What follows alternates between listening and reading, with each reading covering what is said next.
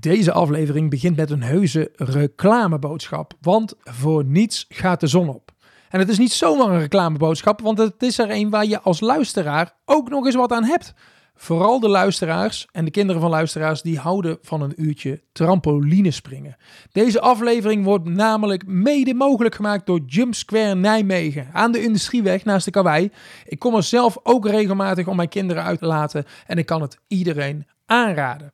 Onze Jump Square vrienden van de show bieden alle luisteraars van podcast 0247 een schitterende korting aan van wel 30%.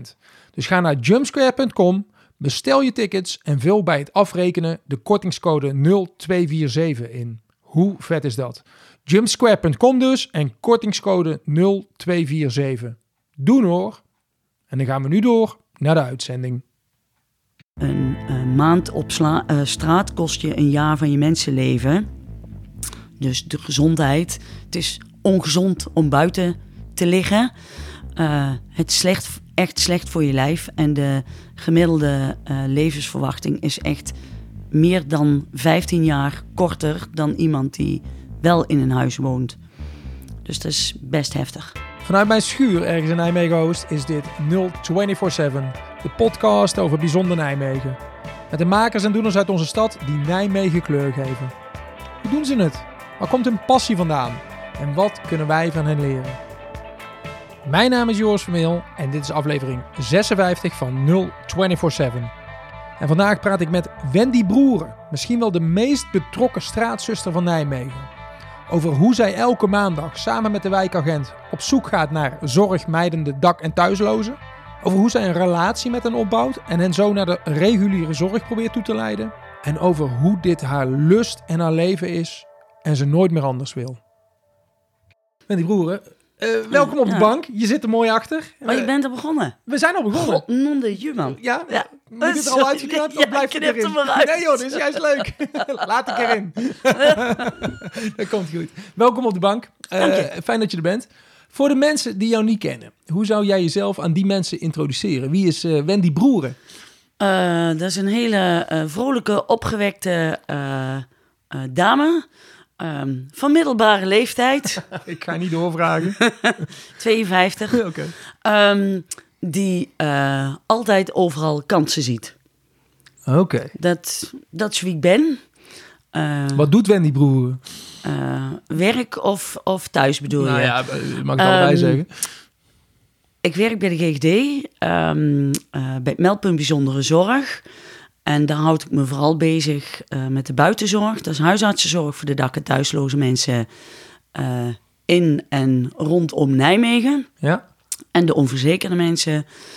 Ehm, daar ligt ook mijn hart, bij die doelgroep.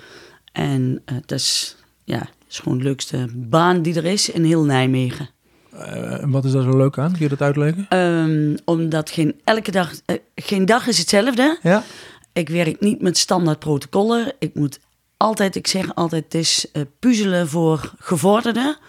Het zijn echt eh, vijf sterren puzzels.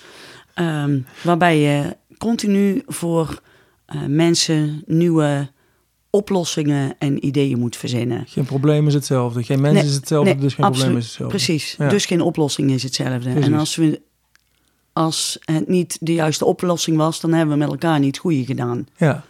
Hey, en, en, en ehm, jij zei, ja, ik, ik heb je LinkedIn gekeken, daar staat dan sociaal-psychiatrisch verpleegkundige en straatzuster bij het meldpunt bijzondere zorg van Ja. de GGD. Ja. Straatzuster, is dat een, een geuzennaam of is dat echt Eh, een, een titel? Eh, nee, dat, dat, zo hebben we het in eerste instantie echt genoemd. Ja. Maar iedereen kent mij ook echt als de zuster. De zuster. En als mensen die mij een beetje kennen, en het is weer een inhoudelijk, dan zeg ik ook altijd, warme groet, de zuster. Ja, Dat is mooi. Ja. Dat is jouw Ja. geuzennaam eigenlijk. Mooi. Hey, en je had het over, je bent er dus voor dak- en thuislozen en voor onverzekerde mensen. en voor een hele grote andere doelgroep. Maar dat, dat is waar vooral mijn hart ligt, met complexe problemen. Maar ja, hey, wat is die andere grote doelgroep dan? Wat Gewoon het meldpunt eh, werk ik. En Ja. dat is eh, voor de, de, eh, nou ja, de zorgvuldige zorgvragers, zeg maar. Ja. Met complex, complexe problemen die zelf niet in eerste instantie naar de hulpverlening stappen. Ja. En dat niet doen omdat ze niet, soms niet vinden dat ze een probleem hebben. Ja. Of niet doen omdat ze heel veel problemen hebben en we heel veel loketjes hebben en ze niet weten bij welk loketje ze het eerst moeten aankloppen. Ja. Of omdat ze het niet kunnen of, of niet willen, omdat ze ontzettend teleurgesteld zijn in het verleden in de mens, in de hulpverlening. Ja. En dus denken van, weet je, ik doe het wel op mijn manier. ja. Over hoeveel mensen hebben wij het dan in Nijmegen? Eh, voor de dak- en thuislozen gaan wij uit van 450. Oké. Ehm, eh, maar ik vrees dat het er stiekem veel meer zijn. En ehm dat weet je natuurlijk nooit helemaal zeker. Hè? Je Ja, hebt altijd je registreert je niet als eh Nee. dak- of thuisloze. En als je een bankslaper bent en geen vaste plek hebt en op tien verschillende adressen bij tien verschillende vrienden op de bank ligt, Ja. dan ehm, tel je ook niet als dakloos officieel, omdat je niet buiten ligt of niet naar de opvang gaat. Ja. Ehm, toen wij gingen vaccineren voor corona, Ja. ehm, hadden wij open vaccinatie, eh, spreekuren zeg maar. Ja. En daar kwamen heel veel mensen eh, naartoe die wij echt nog nooit gezien hadden. Eh, en niet alleen mensen van Nederlandse afkomst, maar ook mensen uit heel veel verschillende landen. Ja. Die dus of ergens werken of bij familie ergens in huis zitten. Ja. Maar die dus nou, niet zelf worden opgeroepen voor een vaccinatie. Dus ik vrees echt dat het alleen maar groter is. Ja. En ehm, dat is met, met, ik vind het zelf een vreselijk woord, maar met de ongedocumenteerden. Ehm, eh, Ongedocumenteerde vluchtelingen, eh, mensen zonder papieren. Zond mensen zonder Ja. papieren. Ik vind gewoon dat we het moeten hebben over mensen. En dat als je hier bent, gewoon je gebruik kunt maken van eh, de voorzieningen die hier zijn. Ja.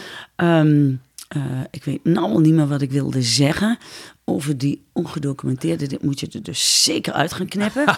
Nee, dit mag Ehm. gewoon. Het is gewoon een goed gesprek. dus voor de keer mag je gewoon doorpraten. Het is allemaal oké. We komen er vanzelf wel weer op. Het ging over ook ongedocumenteerde, dat die in coronatijd, dat die nou ook naar boven kwamen. Oh ja, maar. weet je, we hebben heel veel eh, mensen die als, als eh, vluchteling hier naartoe komen. En die mensen moeten we ontzettend warm opvangen. Want je zou zelf je land uit moeten. Ja. eh, eh, als het hier niet meer veilig is, wil je ook zelf dat je wordt opgevangen. Alleen als wij vinden in dit land dat iemand terug kan naar het land van herkomst, dan ontnemen we ze op dat moment de rechten die ze hadden. Maar er is geen actief uitzetbeleid. Dus als het land van herkomst zegt, maar die nemen wij niet terug, dan doen we alsof ze hier dus niet meer bestaan. Maar we weten dat ze er nog wel zijn. We hebben ze alle rechten ontnomen. Maar ze zijn er natuurlijk wel. En hoe groot die groep is, dat weet ik niet. Maar ik vrees dat die heel groot is en alleen maar steeds groter gaat worden. Ja. Hey, jij houdt je bezig met deze specifieke doelgroep. Die- Mhm. die mensen, ehm, daar is opvang voor, da- eh, dagopvang, eh, na- nachtopvang.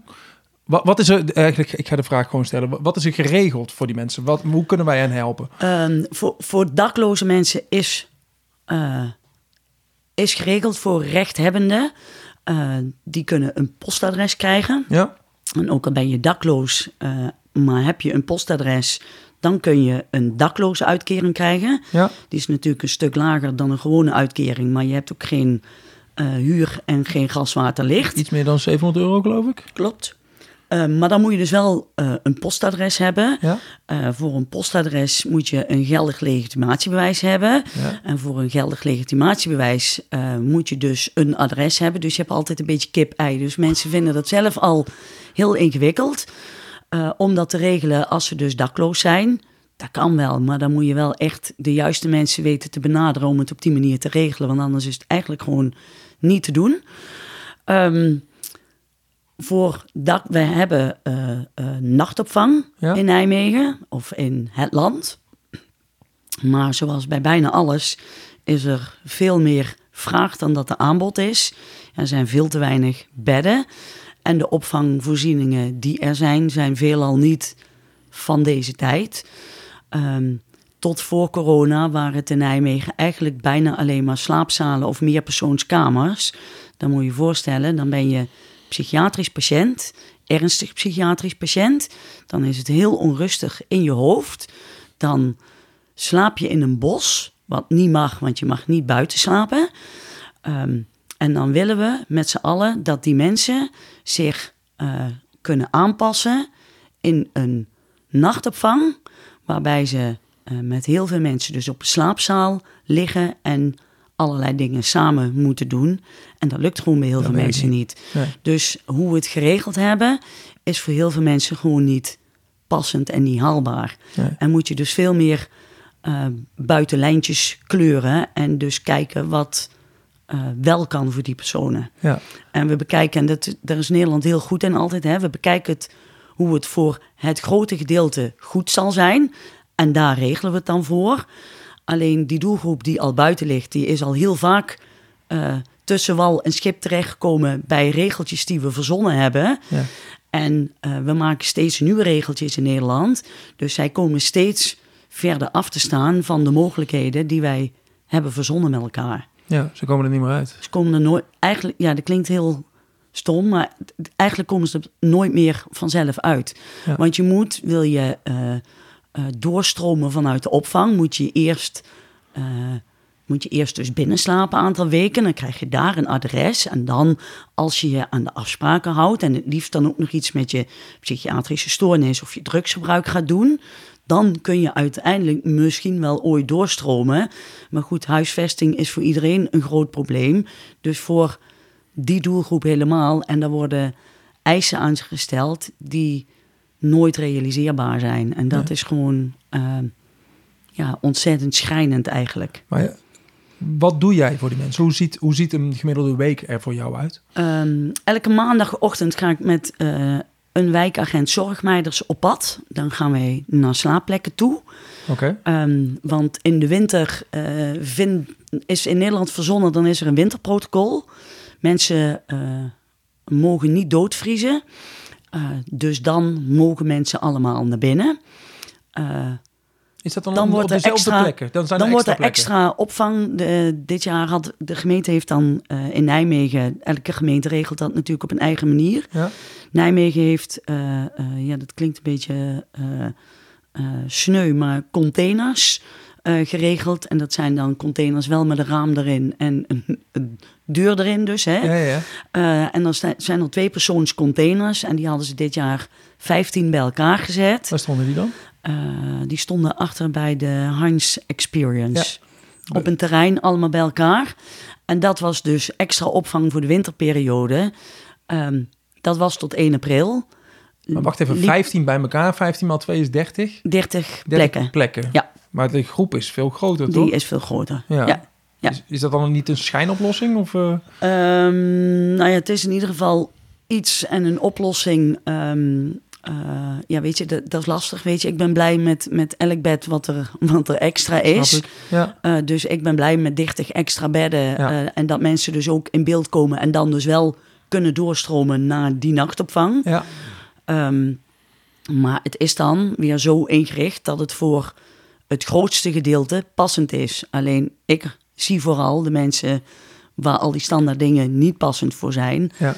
Eh, en daar is het dan lastig voor. Want daar, die ga je op die maandag, elke maandag... ik, ik eh, ga elke maandag dus met de politie eh, op pad om dat we dus in de winterperiode de mensen binnen willen kunnen hen- hengelen. Ehm, maar dan moet je dus het hele jaar door weten wie er buiten liggen en waar die mensen liggen. Eh, want ik zeg altijd, een lek dak moet je niet dichten in de regen.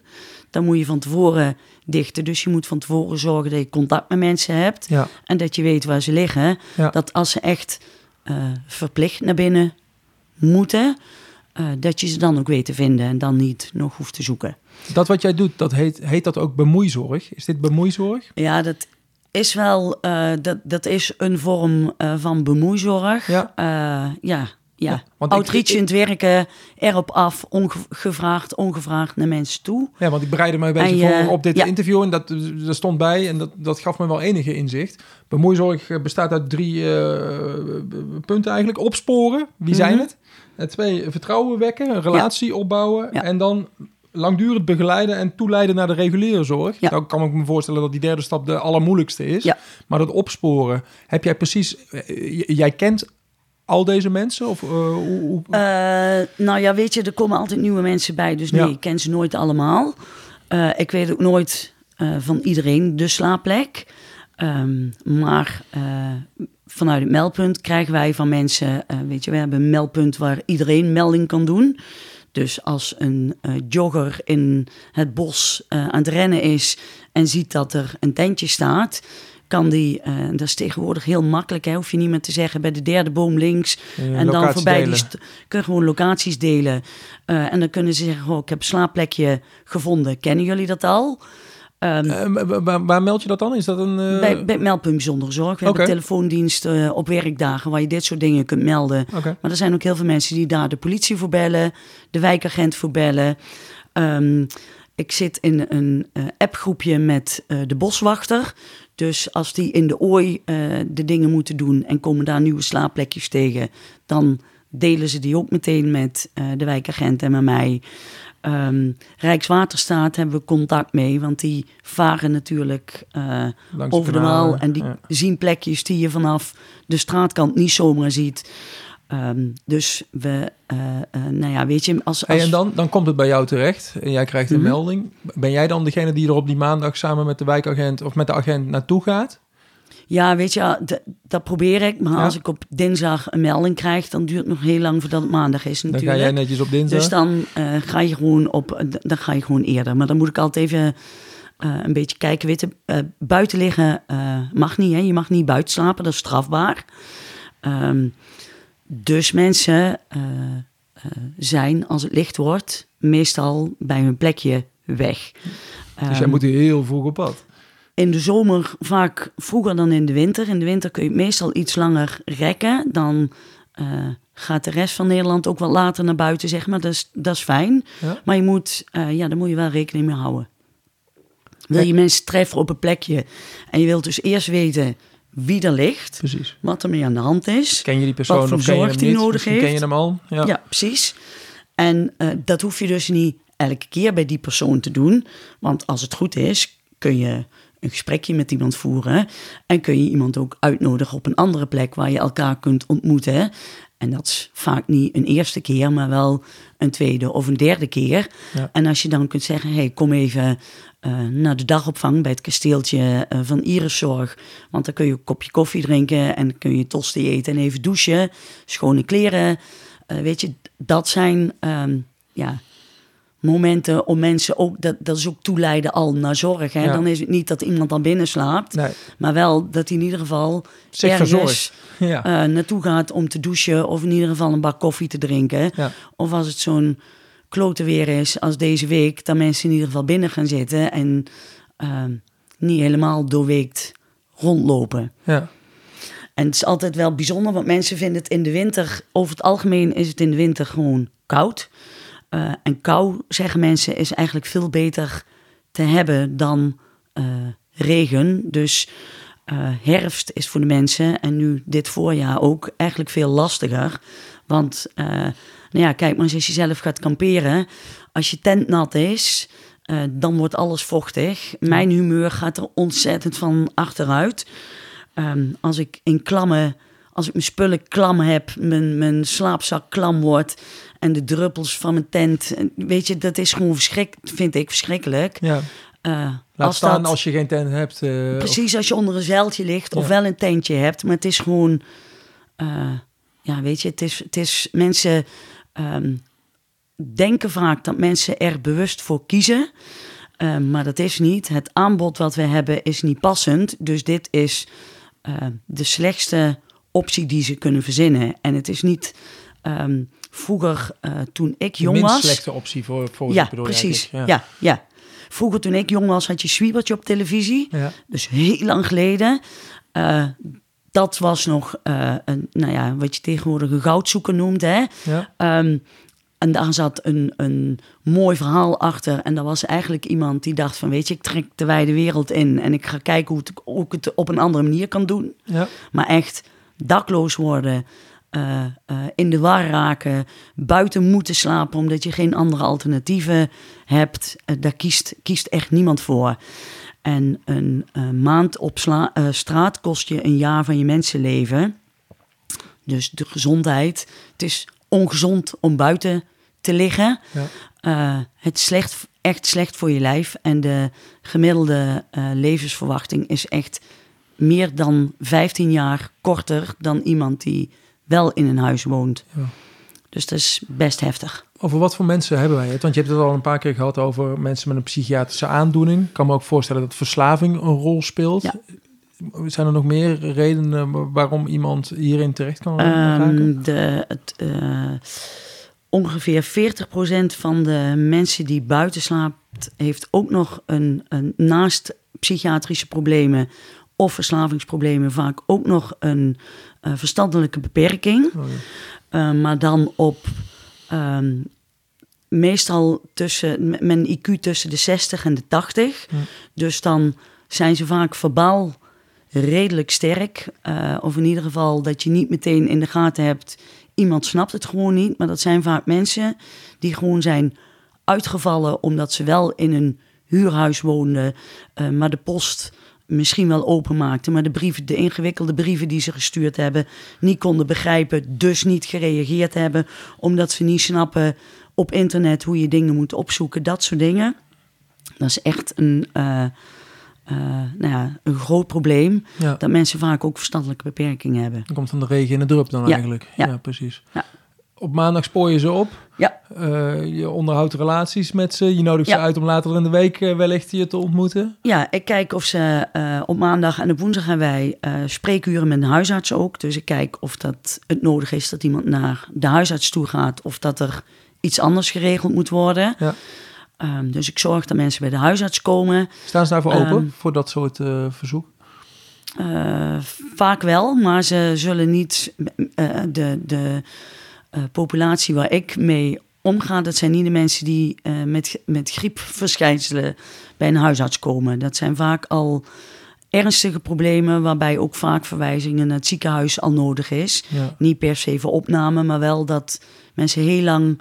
Mensen moeten overleven op straat. Hè. Je moet je spullen droog houden. Je moet zorgen dat je geen bekeuringen krijgt. Je moet zorgen dat je of er geld komt, of in ieder geval eten en drinken hebt. Ehm, Je bent bezig met de korte termijn, met het nu. precies, Ja. precies. Eh, dus eh, naar de huisarts gaan, ja, weet je, dat komt wel een keer. Ja. En ze hebben eh, vaak een eigen huisarts gehad in het verleden. waar ze misschien niet naartoe gingen, niet helemaal het goede contact mee hadden. Ja. zich schamen voor nou ja, wat er van de situatie terecht is gekomen, hoe, hoe ze er nu bij zitten. Dus ook niet zelf naar die huisarts toe gaan.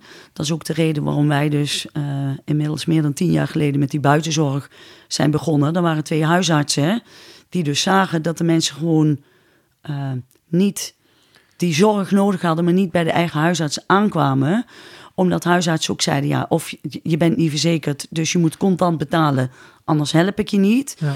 Of dat de assistenten mensen al probeerden af te wimpelen en zei van nee, eh, het kan niet, er is geen plek. Omdat iemand niet rustig eh, op de stoel in de wachtkamer kon zitten. Of niet, eh, zoals verwacht wordt, een afspraak telefonisch kon maken. Of eh, nou ja, zich niet gedoucht had en andere mensen in de wachtkamer daar Last eh, van hadden. last van hadden. Ja, precies. Nee, maar Ja. dat, dat is wel. ehm, er is een, een heel groot stuk schaamte. Ja. Ehm, en ook mensen denken ook vaak eh, dat ze het alleen moeten doen. Of ook gewoon echt niet weten waar ze naartoe moeten. Dus als je ze die reikende hand geeft, dan pakken ze die meestal ook wel. Want hoe hebben we dat dan geregeld? Want je zegt net, als je niet verzekerd bent, dan moet je contant betalen bij sommige doktoren. Ja, Ik nou, aan dat dat hierbij niet het geval is. De, de, de, noodzakelijke zorg, Ja. eh, die kan gedeclareerd worden. En dat is een vrij breed begrip, hè, medisch noodzakelijk. Dus een huisarts of een apotheek of een GGZ-organisatie of verslavingszorg... die kunnen vrij snel verantwoorden dat het medisch noodzakelijk is. En dan kunnen ze bij het CAK, dat is een landelijk Daar hebben we een potje geld voor. potje geld, maar dan moet je Ja. wel extra formulieren invullen. Dus het is ook gewoon gemakkelijk om te zeggen dat het niet kan. Ah, wacht even. Dus Ja. voor huisartsen is het mogelijk om dat te declareren op een, op Ja. een plek die we... Maar het is, het is lastig, dus dat doen we liever Ja. niet. Maar hoe Ja. hebben jullie dat dan geregeld? Want jullie laten ze naar huisartsen komen. Die moeten ook Ehm, betaald wij worden. hebben de, eh, ja, dat is, wij zijn de enige in Nederland die het op deze manier geregeld hebben. In andere steden is het of dat de gemeente de huisartsenzorg betaalt, de huisartsen dus betaalt, of uh, de ziekenfondsen dat doen. Uh, in Nijmegen is dat niet gelukt. En hebben wij, uh, zijn wij begonnen met twee dokters die dat als vrijwilligerswerk deden. En inmiddels hebben we een pool van zeven dokters die dat als vrijwilligerswerk doen. Maar het is, het is niet gelukt om mensen naar de huisarts te krijgen. Ergens zijn nee, het, was, hiermee... het is niet gelukt om uh, uh, te regelen dat de huisartsen ervoor betaald kregen. Ah, kijk. Um, en uh, in het begin hebben we daar nog ontstinkend best voor gedaan om dat wel te regelen. En nu hebben we gezegd, weet je, de mensen die verzekerbaar zijn... daar kun je dus bij het CAK, of die wel Precies. verzekerd zijn, die ja. kun je declareren. Uh, je kunt andere dingen declareren, dus dan krijgen de huisartsen nu op het eind van het jaar gewoon een vrijwilligersvergoeding van de consulten die wel te declareren waren. Ja. Dus dat gaat in een potje. Daar krijgen ze dan een vrijwilligersvergoeding voor en die is, weet ik niet uit mijn hoofd, maar ik geloof 1300 euro per jaar. Ja. Dus daar doen de huisartsen de spreekuren van. Maar dat is, is natuurlijk peanuts. Dat is nou, ja, maar dat is, dat is prima ook voor, voor nu. Weet je, er is geen huisarts die daar moeilijk over doet. Nee, maar ik kan me ook voorstellen dat het een vorm van vrijwilligerswerk bijna is. Ja, dat is het ook. Ja. Maar dat, weet je, onze spreekuren duren vaak... Uh, ja, dat hangt er een beetje vanaf natuurlijk wie er komen. Maar als de mensen komen, dan wordt ook de tijd voor genomen. Dus het is niet dat je Binnen na tien minuten, minuten weer uh, de deur uit bent. Uh, dus de spreekuren kunnen wel uitlopen. Ja. En wij hebben dus, omdat we, we hebben twee spreekuren... Um, en als er dus tussen de bedrijven door, dus mensen komen die wel uh, medische zorg nodig hebben, of ja. uh, toch twee of drie keer in die week gezien moeten worden, omdat de situatie heel heftig is, dan hebben wij de samenwerking met UGC Heijendaal. Dat is een huisartsenpraktijk bij de Radboud ziekenhuis. Ja. En dan kunnen we dus daar de mensen naartoe sturen. Oh, wow. Ja. Hey, maar je, je noemde staatsbosbeheer, uh, de, de, ja. de, boswachters, je noemde, uh, wat, wat, zei je, Rijkswaterstaat, je ja. noemde huisartsen. Ik zie dat je, er is eigenlijk een heel netwerk van ja. partijen die, die, die, ik weet niet of jij ze met elkaar verbindt, maar je bent verbonden, je maakt onderdeel uit van een heel groot lokaal netwerk. Ja, ik heb heel veel collega's. Ja, je hebt heel veel collega's. ja. Maar er is volgens mij geen, is er ook een tweede Wendy Broeren of ben je de enige Wendy Broeren? Als je uh, wat bedoel. Nee, ik, ik heb natuurlijk wel collega's bij de GGD uh, die uh, uh, ik kan inzetten als ik vakantie heb of, of ziek ben of weet ik veel wat. Ja, die jou kunnen vervangen. Vervangen. Ja. Um, maar die hebben ook niet, die, rela die hebben ook niet dat netwerk nee, dat jij hebt natuurlijk. Dat, dat is het nee. grote... En, en weet je, um, het, het grap... Ja, het is helemaal niet grappig. Um, maar het verloop in heel veel zorginstellingen is ontzettend groot hè, in personeel. Uh, ik doe dit werk al 17 jaar, dus het netwerk wat ik afgelopen 17 jaar heb opgebouwd, ja, dat kun je ook niet zomaar in een jaar even overnemen of als je uh, mijn vakanties uh, opvult. Maar het grappige is, uh, heel veel collega's van mij die werken nog langer dan dat ik bij het meldpunt werk. Dus het is wel een heel hechte club um, die staat voor de doelgroep met complexe problemen. Ja. En dat is wel een, een ja, bepaalde. Uh, ja, klinkt misschien een beetje eng dan, maar dan is het, wordt het meer een, een bepaalde uh, familie, zeg maar. Ja. Met uh, netwerkpartners ook buiten je eigen team.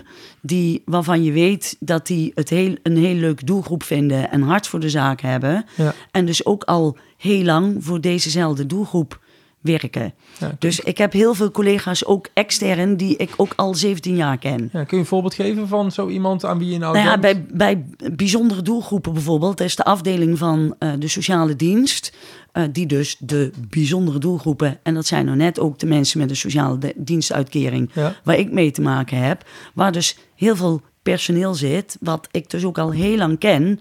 Dus uh, bij het gemeentehuis, als ik daar dus iets moet regelen, bijvoorbeeld uh, dat postadres voor die persoon die geen legitimatiebewijs heeft en geen inschrijfadres, ja. doordat we elkaar al zo lang kennen, um, kunnen we ook heel makkelijk zeggen van hé hey, luister, ik heb er weer een keer een. Ja. Uh, wat kunnen we daarvoor regelen? Ja. En dan neem ik iemand aan de hand mee. En dan ga ik zorgen dat pasfoto's gemaakt worden. En dan ga ik, maak ik de afspraken, maar dan ga ik ook met iemand mee. Ja. Uh, maar doordat je dus al zo lang met elkaar werkt, eh, weet je ook wat je aan elkaar hebt. Ja, precies. En kun je dus ook eh, kun je buiten de lijntjes kleuren. Ja, want dat is nodig. Ja. Hè, buiten de lijntjes Ja. We hebben, wij hebben Ja. heel veel regels. Je legde net al uit. We maken in Nederland regels die, die afgestemd zijn op de grote meerderheid. Maar er vallen ook mensen buiten. Altijd, overal, ja. Ja, daar, daar bekommer jij, jij je dan over. Tenminste, over deze specifieke doelgroep. Ehm, ehm, het, zijn eigenlijk een soort hokjes waar je in moet passen. En als je dan niet in dat hokje past, dan, dan heb je eigenlijk een probleem. Hè? Ja. Dat, dat is eigenlijk wat het is. Ehm, hoe, hoe, ga je, hoe ga je om met dat soort hokjes? Heb jij geaccepteerd dat die hokjes er zijn? Of word je er nog wel eens gefrustreerd van? Ik word enorm gefrustreerd van hokjes. Ehm, altijd weer opnieuw. Ehm, maar ik probeer, ehm, ik, ik zeg altijd, de eh, cliënt verleiden om eh, in beweging te komen.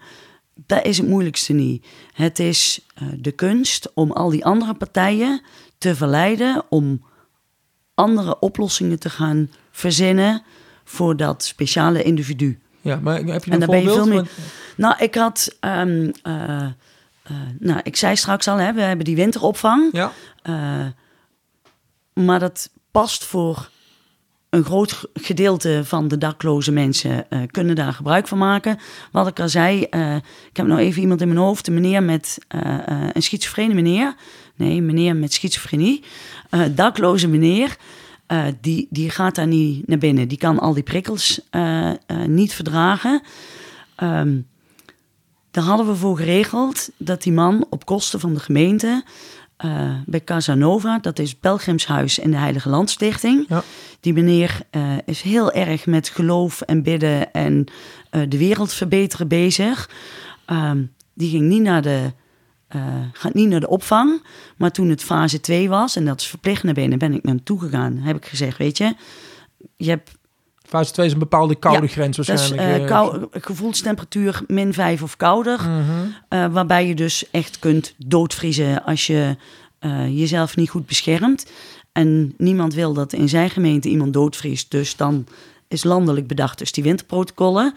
En als je dus niet vrijwillig naar binnen gaat, dan durf ik ook wel te zeggen, is er iets met je aan de hand?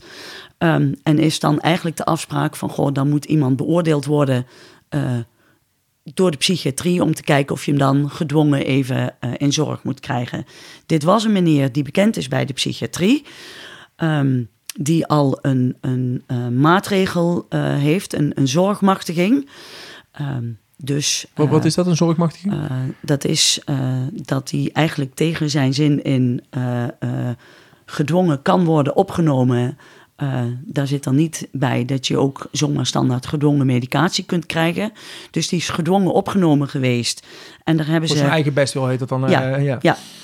En daar hebben ze mee onderhandeld. En toen zijn ze, weet je, er, was, er is eh, op dit moment geen passende woonplek voor hem. En hebben ze gezegd, oké, als je met ons in contact blijft, eh, hoef je niet opgenomen te worden nu. Ehm, maar willen we dat contact houden? En hebben wij gezegd, oké, fase 2, dus eh, je kunt kiezen. Je blijft hier liggen, maar dan gaan we zorgen dat je gedwongen wordt opgenomen. Je gaat naar de winteropvang of we gaan iets anders verzinnen. Toen zei hij, wat is dat andere? Nou, toen hebben we dat pelgrimshuis. En toen heeft hij gezegd, oké, hoeveel dagen gaat het heel uit vriezen? Nou, dat was zeven dagen.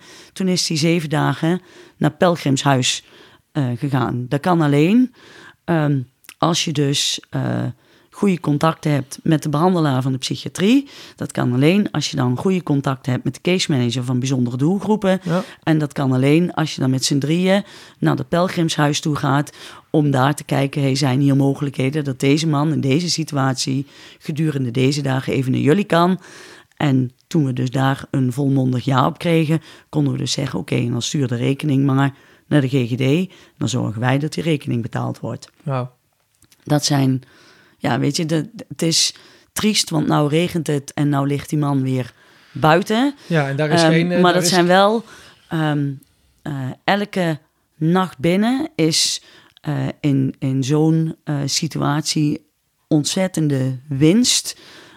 Dus je moet je zegeningen tellen. Ja, want dat, dat lijkt me heel moeilijk aan jouw baan. Dat, Ja. eh, waar haal je je lol uit? Ja, door zegeningen te tellen en, en eh, haalbare, eh, haalbare doelen te maken. Ja, en dus ook successen te kunnen halen. Ja, En dit ja. was zo'n succes. Ja. En weet je, ik kan, ik, ik had gisteren, dat was echt, ik was gisteren jarig. Gefeliciteerd. maar ik ben, dankjewel. Ehm, maar ik ga natuurlijk, dat was op een maandag. En de maandag is mijn favoriete werkdag, want dan ga ik met de politie op pad. En dan rijden we dus met de politiebus rondje. En er zat een man eh, buiten eh, voor acht uur met een half liter bier op een bankje. En je mag niet buiten zomaar in de openbaar eh, alcohol drinken. Dus die man die ziet de politiebus aankomen, die denkt, ah shit, nou krijg ik een bekeuring. Dus we komen aanrijden en ik doe het raampje van de bus open. En het was een bekende. Ehm, en ik zei, hey, ik heb jou lang niet gezien, hoe is het met je? Oh, gelukkig, zei hij, jij bent het. ik dacht al, ga ik nou op mijn verjaardag ook nog een boete krijgen? Ik zei, wacht even, ik stap even uit. Ben jij ook jarig vandaag? Zei hij, ja, ik ben ook jarig. Jij ook dan? Ik zei, ja, ik ook. Ik zei, kom, dan geef elkaar even de knuffel. Toen hebben we elkaar gewoon even geknuffeld, weet je, dat vind ik echt... Ja, dat vind ik echt super tof. En hij had echt van, oh geweldig dit. Ik zei, kom dan straks even in het kasteeltje. Dan ga ik taart halen. Dan trakteer ik. Zei hij, nee, ik moet... Hij eh, moest vrij, of eh eh, corvée-taken doen om wat geld te verdienen. Ja. Hij zei, dus dat ga ik niet halen. Ik zei, dan hou je dat gebakje van mij te goed. Dat Ja, weet je, dat, moment. dan, Ja. is mijn, dan is mijn dag alweer goed. snap ik helemaal. Ja. Dat snap ik helemaal. Het was een bekende van je. Hoeveel van die mensen die jij tegenkomt zijn bekenden van je en hoeveel eh, qua percentage, zeg maar? Ja, wat zo op zo'n maandagochtendronde is het, eh, lijkt het altijd net eh, of ik Maxima ben die in de, in de gouden koets rondrijdt. Ja, is een echt. beetje te zwaaien. Ja, echt. Ik, ik ken dan, maandagochtends, van de mensen die in de binnenstad rondlopen. Ja. Ja, die, daar ken ik er wel heel veel van. Maar er is gewoon eigenlijk een vaste groep mensen. Ja. Precies. En weet je, ke- kennen eh, alles van weten of gewoon Weten van gezicht kennen, ja. weten wie, hoe En die heet. En eh, Ja, precies. precies. En ehm, eh, mensen zeggen ook heel vaak tegen mij: ja, jij bent geen echte hulpverlener. En dan denk ik, oh, dat is, vind ik echt super tof compliment. Ik ben natuurlijk wel een hulpverlener, maar zij. Oh, dat zeggen zij tegen jou. Je bent dat zeggen zij tegen Ja. mij. Weet je, ik geef mensen, ik heb een werktelefoon, dus ik geef mensen mijn mobiele nummer. Ehm, ik heb, eh, ik bepaal altijd zelf of dat ik wel of niet een telefoon opneem, of als iemand mij belt of wel of niet reageer op een appje. Ja. Maar deze mensen zijn allemaal niet achterlijk en die weten echt wel of het avond is, of weekend is, of kerst is, of weet ik veel wat. Die gaan mij echt niet zomaar in de avonduren bellen of lastigvallen. En als ze dat een keer doen, dan is er echt iets aan de hand, want anders bellen ze niet. Maar het werkt ook omgekeerd. Ik heb ook wel eens gehad, dan eh, mocht er iemand, eh, die was bij de huisarts geweest en eh, dat was dan een niet rechthebbende, oh, afschuwelijk woord. Maar die mocht wel naar binnen, omdat de dokter had gezegd dat het beter was dat hij toch een weekje binnen zou blijven. Dus die mocht naar binnen.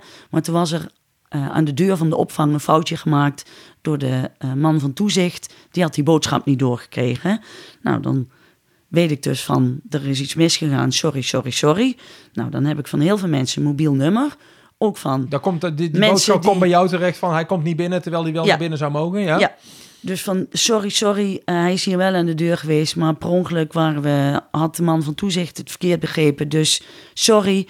Nou, dan ga ik even kijken van, oké, eh, waar zou die ongeveer kunnen zitten? Dan heb ik die en die en die cliënt waar ik mobiele nummers van heb. Dan stuur ik een paar appjes, dan stuur ik naar sommigen een sms'je van, goh, als jullie die jongen tegenkomen en... eh, Wauw. Dan Zet krijg je- netwerk in. eh, en dan krijg je uiteindelijk gewoon een appje van... Goh, ik heb hem gevonden, ik heb hem achter op mijn fiets gezet. En hij, weet je, ja, dat vind, nou, dat vind ik echt tof. Dat vind ik netwerken. en dat moet je met iedereen doen. Ja. En zo werkt het dus ook als dan ehm, eh, een cliënt een keer... eh, dat vind ik ook altijd grappig. Die komen dan niet zozeer voor zichzelf... maar dan hebben ze iemand anders die heel veel zorg nodig heeft. En dan zeggen ze, goh, zou jij die kunnen helpen? Dat vind ik ook altijd heel mooi. Dan komen ze zelf dus mijn nieuwe cliënten aandragen. Wauw. Ja. Dat, is echt- dat is toch ook Ja, dat enorm is- knap dat ze, ja. eh, dat- terwijl je in het Ja. nu leeft met, en ook met overleven bezig bent, toch nog oog hebt voor de ander. Ja, en dat is wat je straks zei met bemoeizorg. Hè? Er zijn voor iemand. Dus altijd eh, je aanbieden. En als mensen zeggen, nee, het is prima, ik heb niks nodig. Even goede vrienden, tot de volgende keer. Eh, maar er komt een moment dat ze wel zeggen: hey, dit of dit is niet gelukt, of kun je me daarbij helpen? Of dat je zelf denkt: nou moet er iets gebeuren. Ja. Eh, of dat ze dus zelf met iemand anders aankomen. Wanneer wist jij dat dit jouw doelgroep was? Ehm, toen ik in Amsterdam ging werken. Wat, Ik ben wat is je als- opleiding en wat... eh, Eh, ik, ik heb de HBOV gedaan, dus van Ja, origine ben ik verpleegkundige. ja? Eh, ik heb hier in Nijmegen de, de opleiding gedaan. Ehm, ik woon in een dorpje. En ik denk dat het nu ook weer kan. Maar vroeger, toen ik mijn diploma had gehaald, eh, had ik nog geen wilde plannen. Er waren genoeg vacatures. Dus eh, we hadden thuis de Volkskrant. Dus ik sloeg de Volkskrant open. En ik ging op zoek naar leuke vacatures. Want ik denk, ik heb mijn diploma en ik zie wel... Ik woonde bij mijn ouders en ik dacht, het is tijd om uit te vliegen. Dus ik zie wel waar ik terecht kom. Ehm, en zo ben ik eerst in Zevenaar in het verpleeghuis terechtgekomen. Van daaruit ben ik eh, in Den Haag in de verslavingszorg terechtgekomen. En van daaruit ben ik in Amsterdam terechtgekomen eh, eh, bij de psychiatrie. En daar had je toen het rehab-team. Dat was een team wat zich bezighield met dakken thuisloze mensen. En dat was eigenlijk niet de vacature waar ik op gesolliciteerd had. Maar wij zaten bij elkaar in het pand. Maar rehab En- klinkt als verslaving trouwens. Ja, het was het rehabilitatieteam heet het eigenlijk. de- de Maar het was term. dus- Ja, Rehab en dan deden wij de H van houden van. Dus ja, het was, ja, goed. Ehm, in Amsterdam waren natuurlijk heel veel dakthuisloze mensen. Ja. Ehm, maar daar ging ik dus bij een team en toen had je nog de RIAG eh, teams. En ik had eigenlijk gesolliciteerd op een functie bij de RIAG. Maar Ja. er kwamen de hele tijd eh, mensen met herhaalafspraken. Dus dan moest je elke maand weer en die weer elke twee weken terug laten komen. En dan zat ik echt van, Saai. godverdorie. Veel saai voor jou. Zijn die twee weken alweer om? Hoe moet ik nou... Oh, alweer... Ja. Dus toen zat ik gewoon te kletsen in een pauze met de leidinggevende van dat dak thuisloze team. En die zei, waarom kom je niet bij ons werken dan? Zei ik, ja, zijn er functies dan? Nou, dat regelen we dan wel. En toen heb ik sollicitatiegesprek daar gehad. En toen ben ik eh, besmet met het dak thuisloze virus. En eh, ja, ik vind de doelgroep echt zo ontzettend dankbaar. Ehm, het is, e- ja, het is echt zo'n dankbare doelgroep. En ik denk ook wel, want eh, ik, ik ben zelf verder helemaal niet gelovig, maar kom wel uit een klein dorp. Ehm, en ik heb altijd in mijn opvoeding meegekregen, je moet voor, zorgen voor je medemens.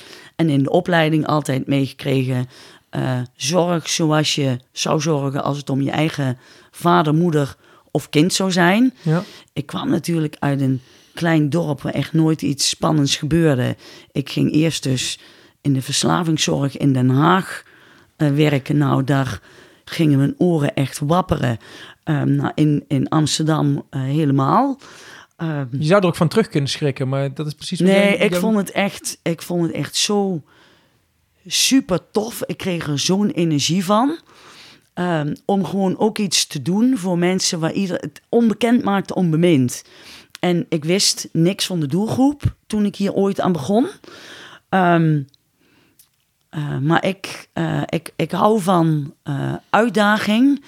En ik, ik vind het leuk. Ik vind het heel fijn als het thuis steady, stabiel en safe is. Ja, Maar op mijn werk moet ik wel gewoon wat spanning hebben, zeg maar. ja. Ehm, dat zit in me, dat vind ik leuk. Ik, vind het, ik ben een ontzettend mensenmens, dus ik hou... Ik vind het ook altijd heel leuk op feestjes waar ik niemand ken... om dan contacten te gaan leggen, met vreemde mensen te gaan praten. En leuk, daar hou ik van. ja. Eh, nou, dat kan ik op het werk dus elke dag. Dus eigenlijk heb ik van mijn hobby... eh, ik ben ontzettend nieuwsgierig en ik, ik ben ontzettende ouwe hoer, zeg maar. Dus ik eh, heb eigenlijk van mijn, mijn hobby mijn werk gemaakt. Komt allemaal bij elkaar. Ja, Hey, je hebt het over dankbaarheid. Je Ja. vertelde net over die man die in ehm, eh, nou, het pelgrimshuis, Ja. eh, die je daarvoor gezorgd hebt. Is het dan een man die jou bedankt? Of zit die dankbaarheid zit die in andere eh, manieren? Ik kan me ook voorstellen dat zo'n man... die moet zich gedwongen op laten nemen door jou eigenlijk. Of op laten nemen. Mhm. die, die wordt gedwongen in het pelgrimshuis gezet. Daar zit dankbaarheid dan wellicht niet in. Kan ik me zo... nee, maar hij had, het, hij had het goed gehad. En hij vond het fijn dat hij niet opgenomen hoefde te zijn. Ja, ja, dus daar zit, Dus ja. dat was heel fijn. En het grappige is, eh, want hij was toevallig vandaag weer eh, bij de GGD. Ehm, en dan zegt hij, eh, hij zegt ook altijd, ik krijg heel snel woedeaanvallen, maar bij jou heb ik die eigenlijk nog nooit gehad. En ik ga wel eens met hem, want ik weet dat hij dan geen geld meer heeft en heeft hij wel honger.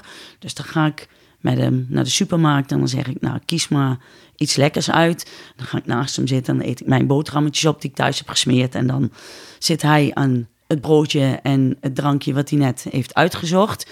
En dan zit hij te praten en dan ineens is er een ontzettend stemverhef.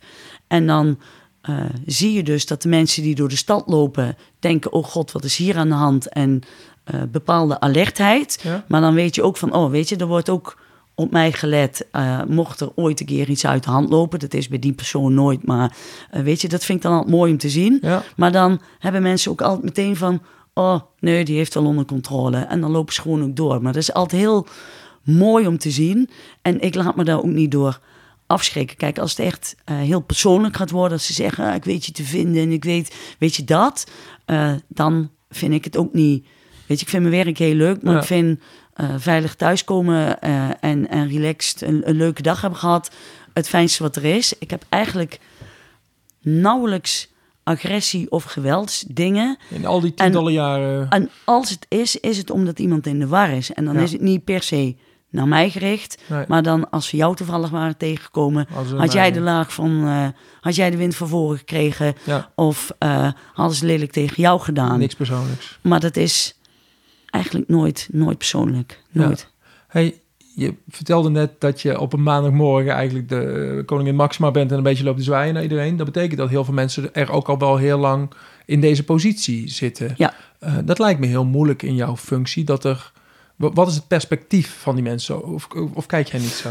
Nou, die, die jongen die, eh, die ik gisteren dus geknuffeld heb, Die is een verjaardag die was ooit dakloos. Die woont nou bij Ierenzorg in een, in een woonvoorziening. Dus die kom ik nog steeds tegen. Ja, En die groet ik dus ook nog steeds, maar die is niet meer dakloos. dus daar is... eh, Dus, eh, en, en zo kom je natuurlijk heel veel mensen tegen die dan toch op een gegeven moment een opvang ingaan. Ja. Of misschien wel doorstromen naar een eigen huisje. Ehm, maar ook als ze niet dakloos zijn. Ik heb een eh, dame een, met een, een verstandelijke beperking die uit een ehm, huiselijke geweldrelatie kwam. ja. En eh, die, die mailt mij eh, nog steeds, dat is al meer dan tien jaar geleden, maar die mailt mij nog steeds af en toe. En dan vraagt ze het eerste waar ze dan mee begint: Gewoon Wendy, hoe is het? En hoe is het met je vader en moeder en met je kind? Eh, ik heb nog steeds van mensen die al lang niet meer dakloos zijn. Of die ooit. Ik heb een mevrouw die ooit uit haar huis is gezet en daar werd ik bijgeroepen. Eh, die stuurt mij nog steeds altijd met kerst een, via de telefoon een kerstkaartje. Eh, weet je, dus ehm, eh, eh, dat is ook zoiets. Hè? De, in, de, de politiek denkt dat als mensen dan. het, het zijn altijd allemaal zorgmeiders geweest. En dat is. ehm, eh, dat is iets waar mensen levenslang last van hebben. Dus ook al gaan die mensen uiteindelijk ergens in een Mhm. huis zitten, dat zijn niet de mensen die dan zelf naar sportverenigingen gaan of zeggen ik wil vrijwilligerswerk doen eh, bij die en die club of eh, naar een wijkcentrum gaan en dan gezellig gaan meedoen met activiteiten. Dat zijn eigenlijk mensen waar je chronisch eh, naartoe moet blijven gaan. En als je gewoon af en toe een appje stuurt of toch een keer bij iemand op de koffie komt of toch even dat praatje maakt als je ziet dat iemand buiten toch nog op dat park op dat bankje in het park zit gewoon omdat hij dat altijd gedaan heeft toen hij dakloos was en nu eh, daar in ieder geval nog mensen tegenkomt omdat hij thuis eigenlijk heel eenzaam is Ja. Ehm, dan zie je die mensen dus nog steeds op datzelfde bankje. Alleen de situatie is eigenlijk heel erg veranderd. Maar de eenzaamheid en het er alleen voor staan, dat is dan vaak nog steeds. Dus mensen eh, vinden het dan gewoon ook fijn dat je ze nog herkent en nog even bij ze op dat bankje komt zitten. Ja. Of toch nog even een kopje koffie komt drinken. Of eh, een mailtje stuurt of eh, wat dan ook. Ja, het is niet dat alle problemen voorbij zijn op het moment dat ze een volgende stap hebben weten te zetten. Nee, en het is ook, weet je, mensen eh, zijn natuurlijk. eh, eh, soms zeggen mensen ja, die moeten eerst verder in de goot terechtkomen voordat ze tot inzicht komen. Ja, weet je, als je in die goot zit, kom je er nooit meer uit. Dus Nee. dat, daar ben ik dus absoluut niet mee eens. Maar als je die handreiking biedt en dat heb je op een goede manier gedaan, dan weten mensen jou ook te vinden. En dat is wat ik straks zei, hè, wij zijn er allemaal bij ons in het team al relatief. hebben een hele grote club die er al heel lang werkt.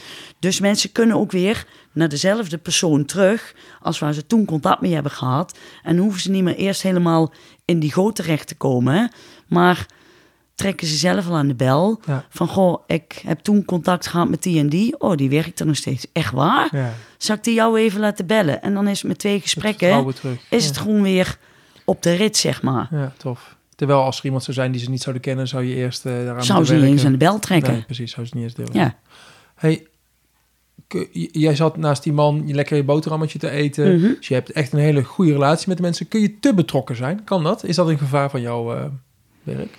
Ehm, te, ja, wat is te betrokken? Nou, de, de, dat je... Ja, dat ik ze mee naar huis zou nemen. Ja, of dat je, dat je het mee naar huis neemt. Niet zozeer nou ja, mensen. het, weet je, het, het is, ik, ik heb eh, afgelopen winter, eh, eh, weet je, dan weet ik wel, er liggen mensen buiten. Ja.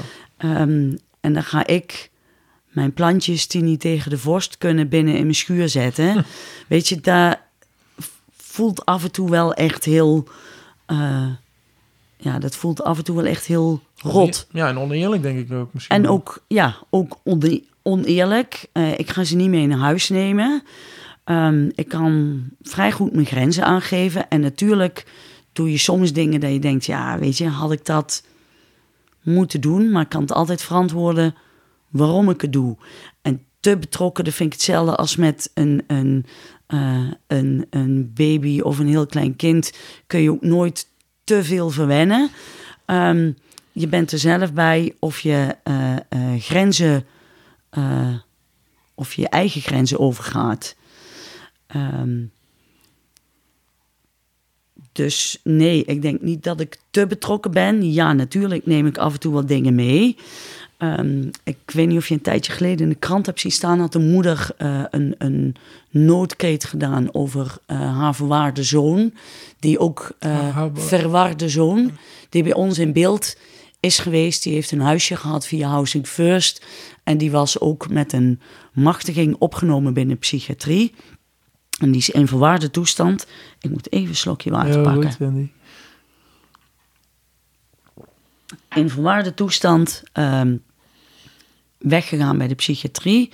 En eh, onbekend waar hij naartoe was gegaan. Dus die moeder heeft tien maanden eh, niet geweten of haar zoon nog in leven was. Mhm. Eh, ze wist wel dat hij erg in de war was en dat hij nou ja, niet naar haar toe was gegaan en weg was gelopen bij de psychiatrie.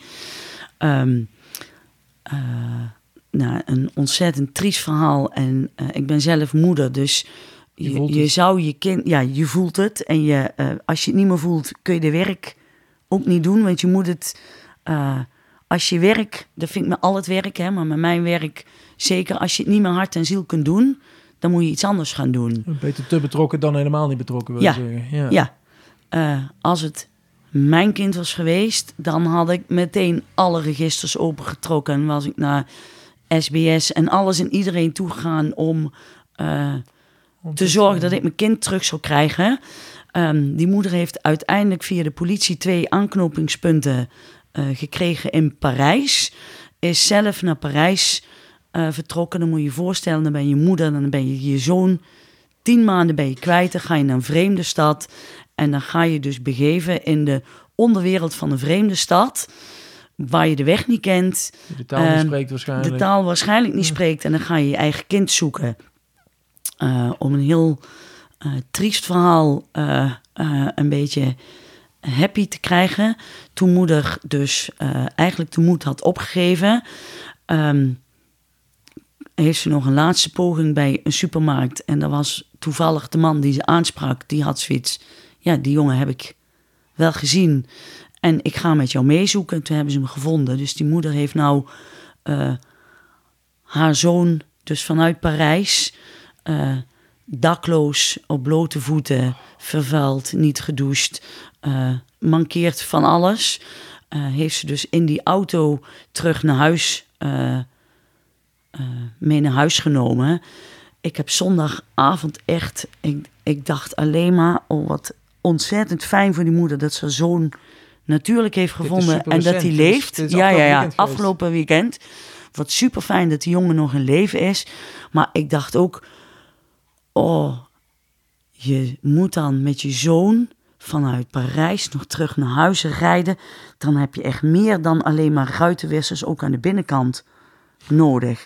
Wat ontzettend heavy. Wat heeft die vrouw, die, die jongen ook natuurlijk, hè, wat is die door een hel gegaan, maar die moeder, die moeder ook. En natuurlijk neem je dat mee. En natuurlijk kan ik daar ontzettend over janken. Eh, maar ik denk altijd, nou ja, dat is wat ik ook heb geleerd. Hè. Doe alsof het om je eigen vader, moeder of kind zou gaan. Ja, kom niet aan mijn vader, moeder, kind. Want dan, dan komen echt hele gekke dingen in mij naar boven. Dus, eh, oh, Dus ja, afschuwelijk. kan eigenlijk niet. nee, kan niet. Kan Nee, niet. Ik snap het. En ga meedenken. En kijk ook, eh, weet je, je hoeft ook niet alles zelf te doen. Hè? Je moet ook niet eh, buiten je eigen mogelijkheden gaan opereren. Want dan word je alleen maar de hele tijd in jezelf teleurgesteld dat je de dingen niet hebt kunnen waarmaken. Je moet in het gebied waar jij kunt opereren, daar moet je de dingen gaan uitproberen. En op al die andere plekken waar je geen invloed op hebt, moet je zorgen dat je de juiste mensen erbij betrekt. Ja, en dit, dit, dit is. Dit eh, haakt natuurlijk ook aan het hokjesdenken en de andere manier Ja. waarop we het geregeld hebben. Ja. Jij hebt een manier gevonden om daar binnen te acteren, Ja. om die mensen En het te zou heel fijn zijn als eh, we in Nederland veel meer die hokjes eh, zouden loslaten. Dat je kunt zeggen, hé, hey, wat tof dat je aan de bel hebt getrokken. En misschien ben ik niet een loketje waar, waar ik je bij alle problemen mee kan helpen. Maar je bent er, dus we gaan samen kijken wat we nou het eerste moeten gaan oplossen. En als je het op die manier zou inrichten... eh, dan zou, dan zou de wereld er volgens mij veel makkelijker, veel makkelijker en toegankelijker voor iedereen zijn. Ja. En ik vind altijd het, het hokjesdenken begint al. Hebben we geregeld dat we dat al bij kleuters gaan doen? hè? Ik, ik, eh, dat vind ik altijd een, een fijn voorbeeld om het duidelijk te maken. Hè? Wij vinden op de kleuterschool, ja, wij in Nederland vinden we dat kleuters al CITO-toetsen moeten gaan doen. Dan denk ik, wie verzint dit in godsnaam? Als je een kleuter vraagt wie vindt dat hij goed kan tekenen, tekenen ze allemaal de vinger op. En als je vraagt eh, wie denkt dat hij er ook nog geld mee kan verdienen, steken ze ook allemaal de vinger op. En als ze ermee aan de deuren gaan om de tekeningen te verkopen in de buurt, dan krijgen ze er ook nog echt geld voor. Als je dat vraagt in groep 8, Ja. dan streken er meteen twee, misschien twee nog de vinger op. En als je dan vraagt wie denkt dat hij er geld mee kan verdienen, verdwijnen die vingers. Ergens gaan wij dus zeggen dat hoe mensen iets doen, dat dat niet goed is. Dan gaan we oordelen. En dan gaan we dus zeggen van nee, maar dit, dit kan niet. Dit wat jij nou doet is niet goed. En dan eh, ben je te slim, dus dan kun je niet naar gewoon onderwijs. Maar dan moet je weer naar een plusklasje. Ja. En als je dan weer eh, te laag functioneert, dan moet je naar speciaal onderwijs. Ik denk, kijk gewoon naar alle mensen hebben kwaliteiten. We hebben iedereen in deze maatschappij keihard nodig. De ene is daar goed in, de ander daar goed in. Maar koppel elkaar en denk niet zo moeilijk in hokjes. Maar blijkbaar denk ik daar veel te simpel in. Nou, blijkbaar is het goed dat er mensen zoals jij zijn die niet in hokjes denken. Om ervoor te zorgen dat, doordat we wel in ho- hokjes denken, de mensen die niet in die hokjes vallen, geholpen worden. En, eh, Ja, ja maar het zou, fijn, het zou een stuk makkelijker zijn als, als dat ehm hokjesdenken eh, weg zou gaan. ja. Het, eh, mag ik negatief zijn en denken dat het niet gaat gebeuren? Of dat mag. mag ik maar oproepen om ik- jouw ik- voorbeeld te volgen en Ja. gewoon te Ik zoeken mag altijd hoop houden. Dat is waar. Eh, hoop doet leven, dus ik hou hoop. En natuurlijk gaat niet in, de, in het hele land alle hokjes verdwijnen. Maar als sommige hokjes dan verdwijnen, of er in ieder geval meer mensen denken van... hé, hey, dat klopt. Ik kan niet alleen naar dit ziektebeeld of dit probleem kijken. Weet je, als iemand hartstikke in de war is en die veroorzaakt overlast... Ja, En je komt daar op huisbezoek voor de eerste keer. En je ziet dat iemand ontzettend vermagerd heeft en niks te eten heeft. Kan ik wel zeggen dat hij pillen nodig heeft omdat hij in de war is. Ja. Dan is het toch veel logischer dat ik met hem naar de winkel ga en dat ik hem even wat broodjes geef, dat hij weer kan eten.